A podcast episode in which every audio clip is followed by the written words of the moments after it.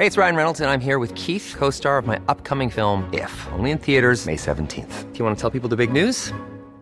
All right, I'll do. Sign up now and you'll get unlimited for $15 a month in six months of Paramount Plus Essential Plan on us. Mintmobile.com slash switch. Upfront payment of $45 equivalent to $15 per month. Unlimited over 40 gigabytes per month. Face lower speeds. Videos at 480p. Active Mint customers by 531.24 get six months of Paramount Plus Essential Plan. Auto renews after six months. Offer ends May 31st, 2024. Separate Paramount Plus registration required. Terms and conditions apply if rated PG.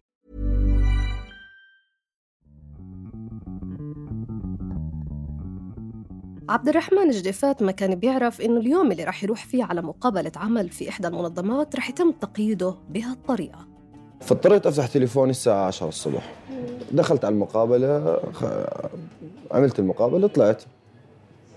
على باب ال- ال- المنظمة اللي أنا مقدم عليها آه، تفاجأت بباص مدني باص آه، ستاركس مدني. نزل منه وسيارة بيضة. ما بعرف مش مش واضحة هويتها.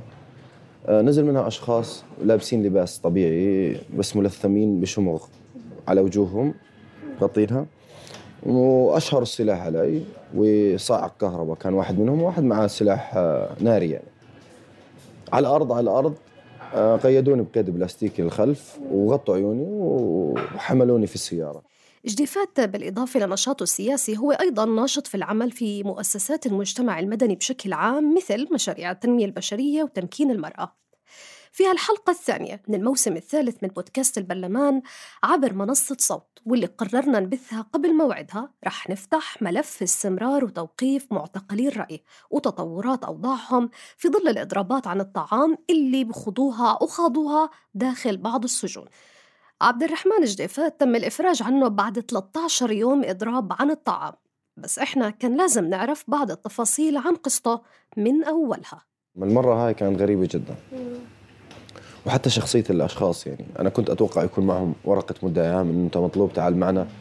أو مثلا حاول ما تهرب عشان لا لا هذول نزلوا ب- ب- بطريقة يعني حماستهم كبيرة كانت. انزل على الأرض. فما خلوا لي مجال أحكي. طلعنا في الباص. حاولت إني يعني أحكي لهم آه، مين أنتو؟ ما دخلك. لوين رايحين؟ ما دخلك. من هون بدت رحلة جديفات في الوقت اللي هو نفسه ما كان قادر يحدد الجهة اللي هي أوقفته. لا لا لا. أنا حسب حسب الأشخاص اللي شفتهم امن وقائي آه. هلأ أنا ط- نازل على الدرج وطالع على الدرج المبنى قديم. المباني القديمة يا يا اللي بوسط البلد يا اللي بالعبدلي. تمام؟ مش مبنى جديد يعني حتى الأرضية تاعته. لا لا. المهم آه، غموا عيوني فكوا القيد البلاستيكي. قلت لهم أنا كثير مضايقني لأنه هذا بس يسكر خلص يعني بي- بيكون مؤذي. فركبوا قيد حديد وظلوا مغمين عيوني ركبوني بالباص. عملية التنقل جديفات في يوم واحد كانت لأكثر من مبنى حسب وصفه وأكثر من جهة. وين أنا؟ ما رضوا يحكوا لي. دخلوني على زنزانة أو على غرفة يعني وأنا مقيد. قال لي وجهك على الحيط ولا تتحرك. لسه مغطى على وجهي. فأنا قدرت هيك يعني مساعدة الحيط إني أرفع الغطاء عن وجهي. وشفت غرفة كثير ضيقة وباب حديد ما فيها لا مرفق ولا أي شيء ولا حتى أرضية. ولا زلت مقيد. دخل علي شخص لما شافني مغطى عن وجهي هرب شوي لورا ما بده أنا أتعرف على وجهه. قال له سيدي هذا رافع عن وجهه كان لابس أمن عام. قال له مش مشكلة عادي. فك قيده وجيب له أكل. دخل جديفات غرفة حسب وصفه فيها ثلاث أشخاص مدنيين لاحظ فيها كاميرا ومايك. وهون بدت عملية توجيه أسئلة من جهة حتى هاللحظة كانت غير معروفة إله. أنا بجاوبك دغري. وإذا عندك نقص أنا بعبي لك إياه كمان. قال لي حلو. معناته ولع ولع. آه. معناته أنت ما راح تطول عنا. سؤالين ثلاثة بتروح قلت له في مجال أحكي مع محامي. قال لي لا ما في شيء دردشة بسيطة. طبعا هو يحكي معي في شخص كان قاعد جنبه بكتب. آه. قال لي دردشة بسيطة. قلت له بالدردشه البسيطة هاي مطولة يعني. قال لي والله أنت بتمد وبتقصر بكيفك. كثير من الأسئلة كان على بوستات تم كتابتها في عام 2015 والهتافات اللي كان يهتف فيها في الحراك. فقلت له اسمع أحكي لك شغلة. أنتوا جبتوا الملف من عند المخابرات. قال لي لا مش من المخابرات هذا إحنا عملناه قلت له يا سيدي ماشي مش مشكلة جبتوه من وين ما كان هذا إشي أنا محقق معي فيه ومعي ورقة تثبت إنه أنا طلعت ما علي شيء كانوا بدهم يلبسونا قضية إرهاب وما إرهاب. قلت له أنا زلمه لا أنتمي لجماعة إسلامية. بالعكس أنا مش مش ملتزم دينيا. قال لي أحسن لك أصلا. شو بدك بس سلافه قلت له لا لا أنت بتحاول تأول الموضوع على مزاجك. وأنا بحاول أكون صريح معك يعني. قال لي أيوه وشو بتشارك مسيرات؟ على الرابع؟ قلت له لا على الرابع وفي الزرقاء وفي المفرق وبكل مكان. حتى نهاية اليوم جديفات ما كان بيعرف وين هو. بعد عملية طرح أسئلة من جهاز هو بيجهله حتى اللحظة. قلت يا زلمة يعني صار لك سبع ساعات ما قصرت معك عبيت لك اوراق الدنيا. أحكي لي وين؟ أنا قال لي لا. ما راح أحكي لك. تعرف بكرة. المهم دخلت الزنزانة رجعوني على الزنزانة ما فيها مرافق قلت له بدي أستخدم التواليت يعني. وداني على تواليت هيك بعيد شوي. دخلت الزنزانة اعطاني فرشة و سكر الباب قال لي هذا واحد بيحكي له في داعي اقيده قال له لا لا لا خلص كويس هو منيح. خلال عملية توقيف جديفات طيلة هالفترة كان أهله بيحاولوا يعرفوا وينه لكن دون جدوى. إبراهيم شديفات شقيق عبد الرحمن. يوم الأحد 10 11 عبد الرحمن كان عنده مقابلة شغل بالمفرق كانت بحدود الساعة عشرة. بعد هيك انقطع تواصلنا معه تليفونه صار مغلق حاولنا نتواصل معه على وسائل التواصل ما كان في أي تجاوب. آه، بهاي الفترة تواصلنا مع أصدقائه ومع معارفه اللي ممكن يكون عندهم آه، الكل كان ما يعرف عنه أي شيء. للمساء آه، تواصلنا أيضا مع الأجهزة الأمنية دائرة المخابرات الأمن الوقائي مديرية الأمن العام. الكل كان آه، ينفي علمهم بمكان وجوده أو حتى اعتقاله. الصبح بشكل يعني رسمي رحنا على الأمن الوقائي على المخابرات وكمان نفوا س- علمهم بمكان وجوده. مدير الأمن الوقائي أقسم لوالدي أغلظ الأيمان إنه ما بيعرف عنه ومش هم اللي اعتقلوه. فبهاي الوقت إحنا توجهنا للأمن العام. خلاص بدنا نقدم طلب اختفاء لأنه ما ما بنعرف عنه أي شيء. فمديرية الأمن العام حكوا لنا لا تقدموا طلب اختفاء هو الآن موجود في شرطة الزرقاء. طبعا آه، تواصلنا مع شرطة الزرقاء ونفس الشيء قالوا مش موجود عندنا. ضل عبد الرحمن جديفات في زنزانة لليوم الثاني وهو ما بيعرف وين رح ينتهي في المطاف. وقفنا. شفت أنا محكمة امن الدولة أنا بحكم الشارع والطريق اللي أخذناه شفت محكمة امن الدولة فضحكت. بقول لهم يعني قول لي إني رايح أمن الدولة قال لي بتعرفها؟ قلت له آه يا زلمه بس عاملين عندها 100 اعتصام قبل هيك. قال لي حلو المرة جاينا ضيف. المرة هاي أنت ضيف عليهم. قلت له ماشي نزلوني من الزنزانه تفاجأت بالموكب اللي أنا فيه يعني سيارة ومدرعة ودورية و... فبسأل بالشاب الامن العام بقول له أنتوا ليش ثلاثة معاي ومسلحين يعني؟ معاهم رشاشات. قال لي أنت تصنيفك خطير جدا. بقول له حلو بس بناء على إيش يعني؟ أنا زلمة بطلع مسيرات ولا مش تنظيمات يعني, يعني حتى التنظيمات مش بهذا ال... قال لي مش أنا اللي صنفتك والله ما فما تلومني يعني. عملية جديدة من طرح الأسئلة لكن هالمرة كانت من جهاز آخر كما بيروي جديفات مسك الورقة. طلع عليها زي هيك قال لي أنت عبد الرحمن آه، هيك طلع الملف عبد الرحمن آه، سهيل آه، اشديفات قلت له آه، مع عبد الرحمن سهيل مقبل اشديفات رقم الوطني ولا لا لا أقول هي عندي هي عندي. آه ما خلاني أكمل. قال لي أنت متهم بتقويض العمل على تقويض نظام الحكم وإطالة اللسان على حضرة صاحب الجلالة وإطالة اللسان على حضرة صاحبة الجلالة وإثارة النعرات الطائفية والعمل على تغيير شكل الدولة الاجتماعي والسياسي. قلت له بس طلع علي زي هيك. قال لي بس آه. طلعت على هذا الشخص المدني يعني. قلت له ما قالوا لك غير هيك كمان؟ قال لي سكر ثمك. في هالأثناء وصلت معلومة مش مؤكدة عن مكان وجود عبد الرحمن. توجهوا أهله لسجن الجويدة لكن جديفات ما كان هناك. فوين كان؟ آه، صباح الثلاثاء وصلنا خبر يعني عن طريق أحد المعارف إنه هو موجود في سجن الجويدة. فتوجهنا لزيارته آه، وبعد يعني طول انتظار ووقوف بالطابور والدي وصل جوا على الساعة 11 فحكوا له إنه هو مش موجود في سجن الجويدة وتم نقله على سجن باب الهوى. قصة عبد الرحمن بالطول وفيها كتير من التفاصيل عن وضع السجن أيضا. مثلا بيوصف جديفات لما راح على الجويدة قبل ما يروح على سجن باب الهوى. آه، اشتريت بنطلون وهيك. بقول له بدي أنام قال لي دبر حالك. بقول له بدي أنام. لمين اتخذ هذا؟ قال كل ما أحكي لمين اتخذ بقول هذا إلي هذا إلي. فرحت دقيت على الباب قلت له غرفة مليانة يعني وين أنا فنادى عليه الشرطي قال له نوموه الشاب خليه يرتاح. فواحد منهم بيحكي لي حط قطن بأذانك امزع من السفنجة وحط قطن بأذانك السفنجة بأذانك. بقول له ليش؟ قال عشان ما يفوت فيها صراصير.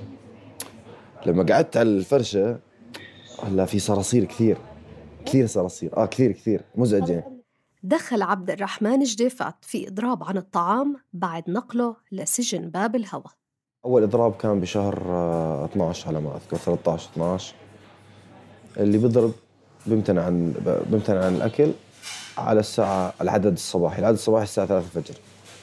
طلعت على رئيس القسم قلت له أنا مضرب. قال لي فيش إضراب. اكتب استدعاء. كتبت استدعاء قدمت له إياها. قال لي والله سكر الكشف لو إنك جيت بكر. فرصة أخرى في الأيام القادمة. قلت له ما بزبط إحنا مضربين كل المعتقلين الرأي. وهذا هذا إضراب جماعي وأنا ملتزم مع جماعتي وأنا جزء منهم. قال لي ما بزبط. قلت له كيف ما بزبط؟ أنا بدي أضرب يا عمي. قال لي روح اضرب بالغرفة. قلت له ما بزبط. الإضراب لازم أبلغكم فيه وتوافقوا عليه يعني حتى الإضراب لازم توافق عليه. قال لي والله فرصة أخرى في الأيام القادمة. فترة إضراب جديفات ما كانت سهلة حسب وصفه. كثير من الممارسات كانت بتهدف إنها تضغط عليه أثناء فترة إضرابه حتى يفكه. ثاني يوم الصبح بقول لك فك اضراب أو الظهر تقريبا على الغداء فك اضراب قلت له لا بس بدي مية. قال لي اضراب ما في اضراب طعام وشراب إنت جاي تدلع عندي هون هذا الوكيل. قلت له بدي مية وملح كمان مش مية لحالها. قال لي اشرب من الحنفيه طبعا زنزانة ثلاثة باثنين ونص متر هيك صغيرة تخت حمام آه، أرضي ما في عازل بالله. قلت له هي حنفيه مية آه، sorry يعني مية ريديتر أو مية التدفئة كثير طعمتها وسخة. خلال هالفترة طلب جديفات ملح بسبب إضرابه عن الطعام. قابلت ضابط في السجن قلت له أنا بدي ملح. قال لي ليش الملح؟ عشان تجيب حالة خطرة. قال لي لو تموت ما راح تطلع من السجن يعني ليش تضر حالك؟ قلت له أنا بدي الملح عشان أول شيء صار عندي فطريات بمعدتي وثاني شيء عشان الضغط أنا بدوخ يعني شو ما كان. قال لي فك اضرب ريح حالك. قلت له في مجال حد يناقشني مطالبي أنا طالب أقابل مركز الوطني لحقوق الإنسان. قال لي بعدك يعني مش موضوعك أنت. لما تفك اضراب بنحل لك موضوعك. أول يوم هذا ثالث يوم رابع يوم صار يتكرروا علي كثير ضباط. فك اضرابك وفك من حكى كان يعني مرة من المرات بعث لي واحد كاسة شاي. قلت له ما راح أفك اضراب. يعني ما تفكرش حالك يعني إنه أنت شاطر هسه بتشربني كاسة شاي والله فك اضرابه. سادس يوم بلشت آه، يعني بلش جسمي يتآكل تعب ارهاق برد كثير يعني كثير كثير برد. يعني ما كنت أطلع من تحت الإحرام. كنت أطلبهم سجاد صلاة ويقول لي ما في. قلت له طب أنا بدي أشتري يعني على فلوسي. بعد 13 يوم إضراب عن الطعام كانت تقارير عبد الرحمن الصحية سيئة للغاية. وهون خرج عبد الرحمن من سجن باب الهوى لما نروح على المستشفى الدكتور بيقول لي ضروري تاخذ جلوكوز الكلية عندك بلشت تتعب صار عندك بروتين بالدم الكبد. بقول له لا أنا ما بدي. أنا ما حدا ناقشني مطالبي لحد الآن هذا اليوم العاشر واليوم 11 يقولوا لي لا أنزل على الفحص على العيادة. لما اليوم اللي اعتقلوا فيه أخو صديقي حسن كان يوم ثلاثاء حتى هاللحظة بيخوض مالك المشاك بإضراب عن الطعام والشراب كما خاضه اللي قبله. خلال وقفة نظمها أهالي معتقلي الرأي من أمام سجن الجويدة كان متواجد شقيق مالك المشاكبة اللي وجهت إله تهمة في يوم 27 واحد من مدعي عام عمان بإطالة اللسان. وذم هيئات رسمية وفق شقيقه. أنا صلاح المشاقبة آه، أخو المعتقل آه، السياسي مالك المشاقبة آه، مالك تعرض لظلم. تم اعتقاله من بوابة سجن ماركا بتاريخ 26 آه، واحد. كان بزيارة المعتقلين. آه، من هناك آه، تم توجيهه إلى مركز أحد. بعد مركز أحد تم توجيهه إلى شعبة الجرائم الإلكترونية تابعة للبحث الجنائي. آه، كان السبب بحكي لك في مطلوب للجرائم الإلكترونية بشكوى الجرائم الالكترونيه فاجانا انه الموضوع يعني ليس شكوى شخصية هي ادعاء عام. بسبب مشاركته لمنشورات منشور لنايف الطورة. بتكلم عن الملكة رانيا ومنشور لعلاء الفزاع بتكلم عن صفقة القرن. آه، تم يوم 27 آه، توجيهه لمدة عام عمان. أخذ إفادته ووجه له تهمة إطالة اللسان على الملك والعائلة المالكة وذم هيئات رسمية. بتاريخ تفاجأنا تم مراجعة المحكمة بسبب متى في موعد جلسة منعوا لا في فيش مواعيد جلسات وإحنا نهاية شهر الآن بداية الشهر يتم تحديد موعد جلسة. ملك المشاكبة حتى هاللحظة مضرب إضراب كلي عن الطعام والشراب. 15 يوم آه، إضراب جزئي واليوم الثامن إضراب كلي. طبعا هذا حدده حدده طبيب السجن. لما رابع يوم لإضرابه الكلي فتوجه له قال له أنت الإضراب هذا مش أربع أيام أكثر. قال له أنا صار لي من أول يوم دخول السجن صايم. فهو يعني تقريبا آه، بحدود ال 25 ل 26 يوم إضراب من جزئي وكلي. آه، إدارة السجن كانت تعامله معاملة يعني ممنوع الصلاة كان ممنوع من الصلاة ممنوع الزيارات تأخير عن الزيارات أكثر من ساعة. ضغط نفسي ضغط أربع بخرج على الزيارة وراه ضباط اثنين وأفراد اثنين. يعني حتى داخل السجون سجن آخر. الآن حتى وقت إضرابه الآن يوم الأحد طلبت إنه أجيب له ملابس منهم بدلة بدلة رياضة واليوم منعوها. هي البدلة موجودة معنا ومنعوا إنه ادخال البدله رصد المركز الوطني لحقوق الإنسان توقيف محاكمة ما يقارب 25 شخص بناء على قضايا حرية الرأي والتعبير عام 2019 منهم تم الإفراج عنهم لكن أيضا ما زال هنالك من هم موقوفين. وحول وضع مالك المشاكبة سألنا مديرة إدارة الحقوق المدنية والسياسية في المركز الوطني نهلة المؤمني فأكدت أنه مالك أشعرهم بإضرابه الكلي. طبعا هو الأستاذ مالك وكما يعني هو أخبر واخبروا أهله آه، حتى لوسائل الإعلام بأنه هو كان مضرب عن الطعام إضراب جزئي ومن ثم دخل في إضراب كلي. آه، هو يعني يعني, يعني ماء وملح؟ آه، نعم يعني إضراب كلي بمعنى آخر إنه عن الطعام والشراب وحسب قراره هو. وطبعا يعني الآن هو يعني يعني هذا الإضراب يعني كما هو تفضل وحكى هو احتجاج على الحكم اللي صادر بحقه. فيعني إحنا كمركز عم بنتابع أوضاعه سواء في ظروف البيئه الاحتجازيه آه، وبنشوف أوضاعه الصحية وبنطمن على عرضه على الطبيب يوميا. آه، هلأ طبعا آه، فيما يتعلق يعني بدقائق وضعه الصحي إحنا كمركز بتعرفي هاي مسألة فنية طبية. توجهنا لمدير إدارة الإصلاح والتأهيل العميد ناهض مقابلة. اللي أكد خلال المقابلة إنه الإضرابات داخل السجون هي تقريبا يوميا وبتكون لتحقيق أهداف من قبل النزلاء في مقابلة جهة ما حتى يسمعوا مطالبهم وهو حق لهم وأشار لوجود تعليمات لازم النزيل يمشي عليها بتقديم استدعاء حول طبيعة إضرابه. ومن واجب الإدارة تقديم الرعاية الصحية من طعام وشراب بمقدار ثلاث وجبات يومياً تتضمن كامل العناصر الغذائية وعرضه على الطبيب حسب وضعه الصحي وأن الطبيب هو صاحب الاختصاص في مدى صحة النزيل بالإضافة إلى أنه بيتم اختار الجهة اللي بطلب مقابلتها. لكن عند استفسارنا عن الممارسات اللي ذكرها من تم الإفراج عنهم والمضربين بشار الرواجدة ومالك المشاقبة طلب المقابلة كتاب رسمي وتم تسليمه فعلا وحتى هاللحظة إحنا بانتظار الرد.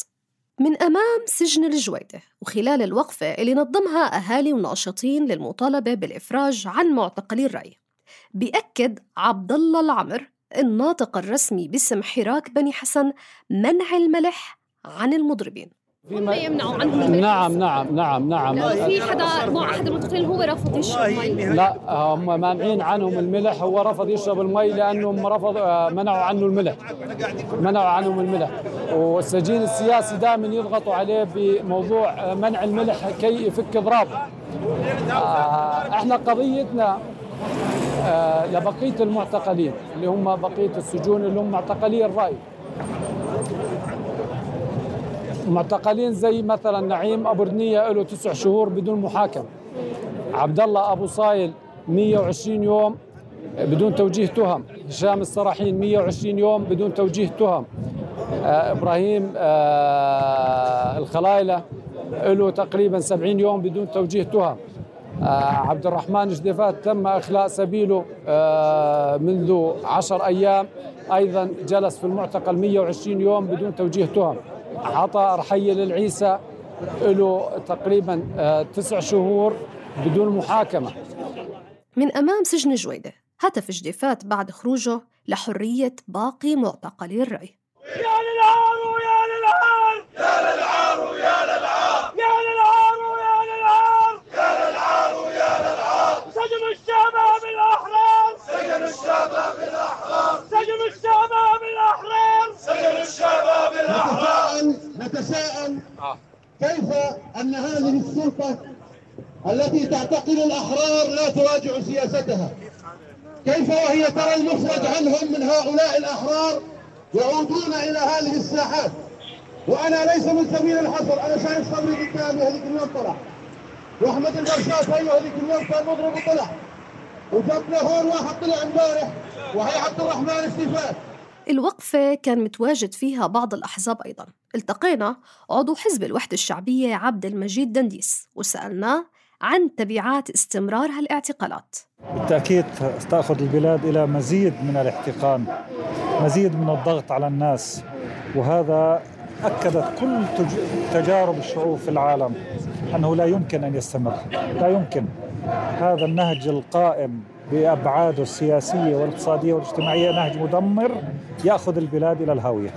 نحن نطالب ونؤكد على المطالب الشعبية بضرورة العودة للداخل وإعادة العمل على ترتيب الوضع الداخلي حتى نكون كأردن أقوى في مواجهة كل الاستحقاقات والمخاطر اللي بنواجهها. وهو نفس السؤال اللي سألناه لعضو حزب الشراكة والإنقاذ الدكتورة رولا عبد الهادي استمرار الاحتقالات رح ياخذ الأردن إلى الهاوية لأنه رح يحول الشعب إلى آه، ناس تطالب فقط بالحريات آه، يعني لناس مقموعين لناس كذا. ولكن نحن نؤكد إنه كل الناس اللي تطالب في الحرية وكل الناس المعتقلين واللي خارج السجو- السجون أقوى من اعتقالاتكم وأقوى من أي تفكير ممكن أنتم تفكروه باتجاه سلبي.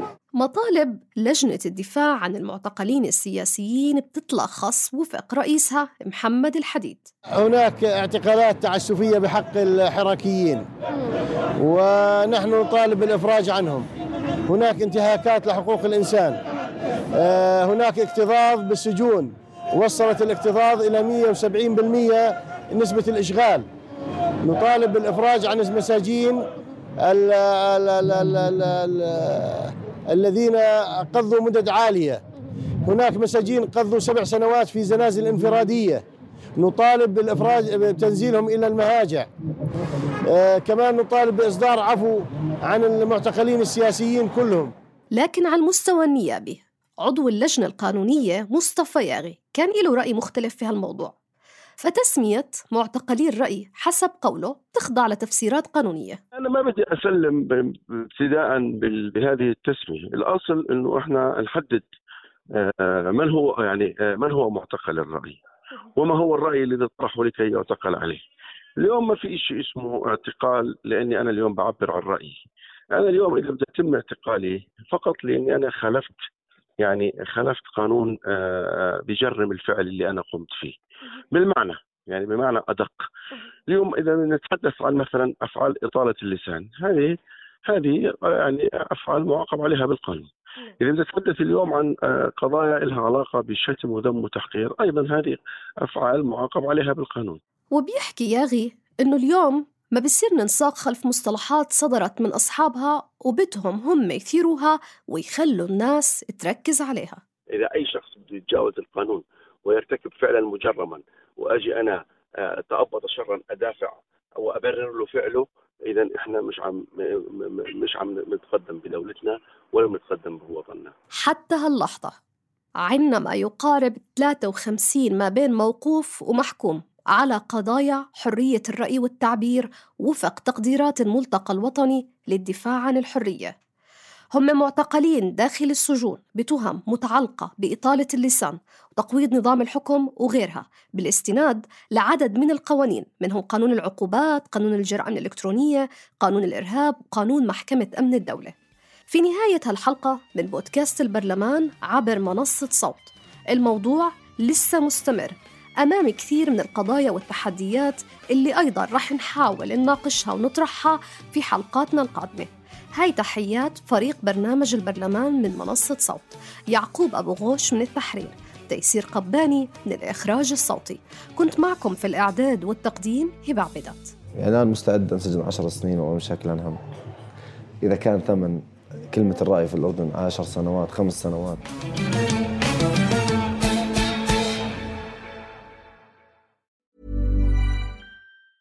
Hey, it's Danny Pellegrino from Everything Iconic.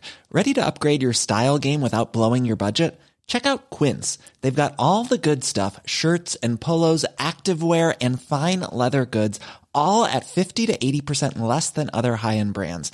And the best part? They're all about safe, ethical, and responsible manufacturing. Get that luxury vibe without the luxury price tag. Hit up quince.com slash upgrade for free shipping and 365 day returns on your next order. That's quince.com slash upgrade.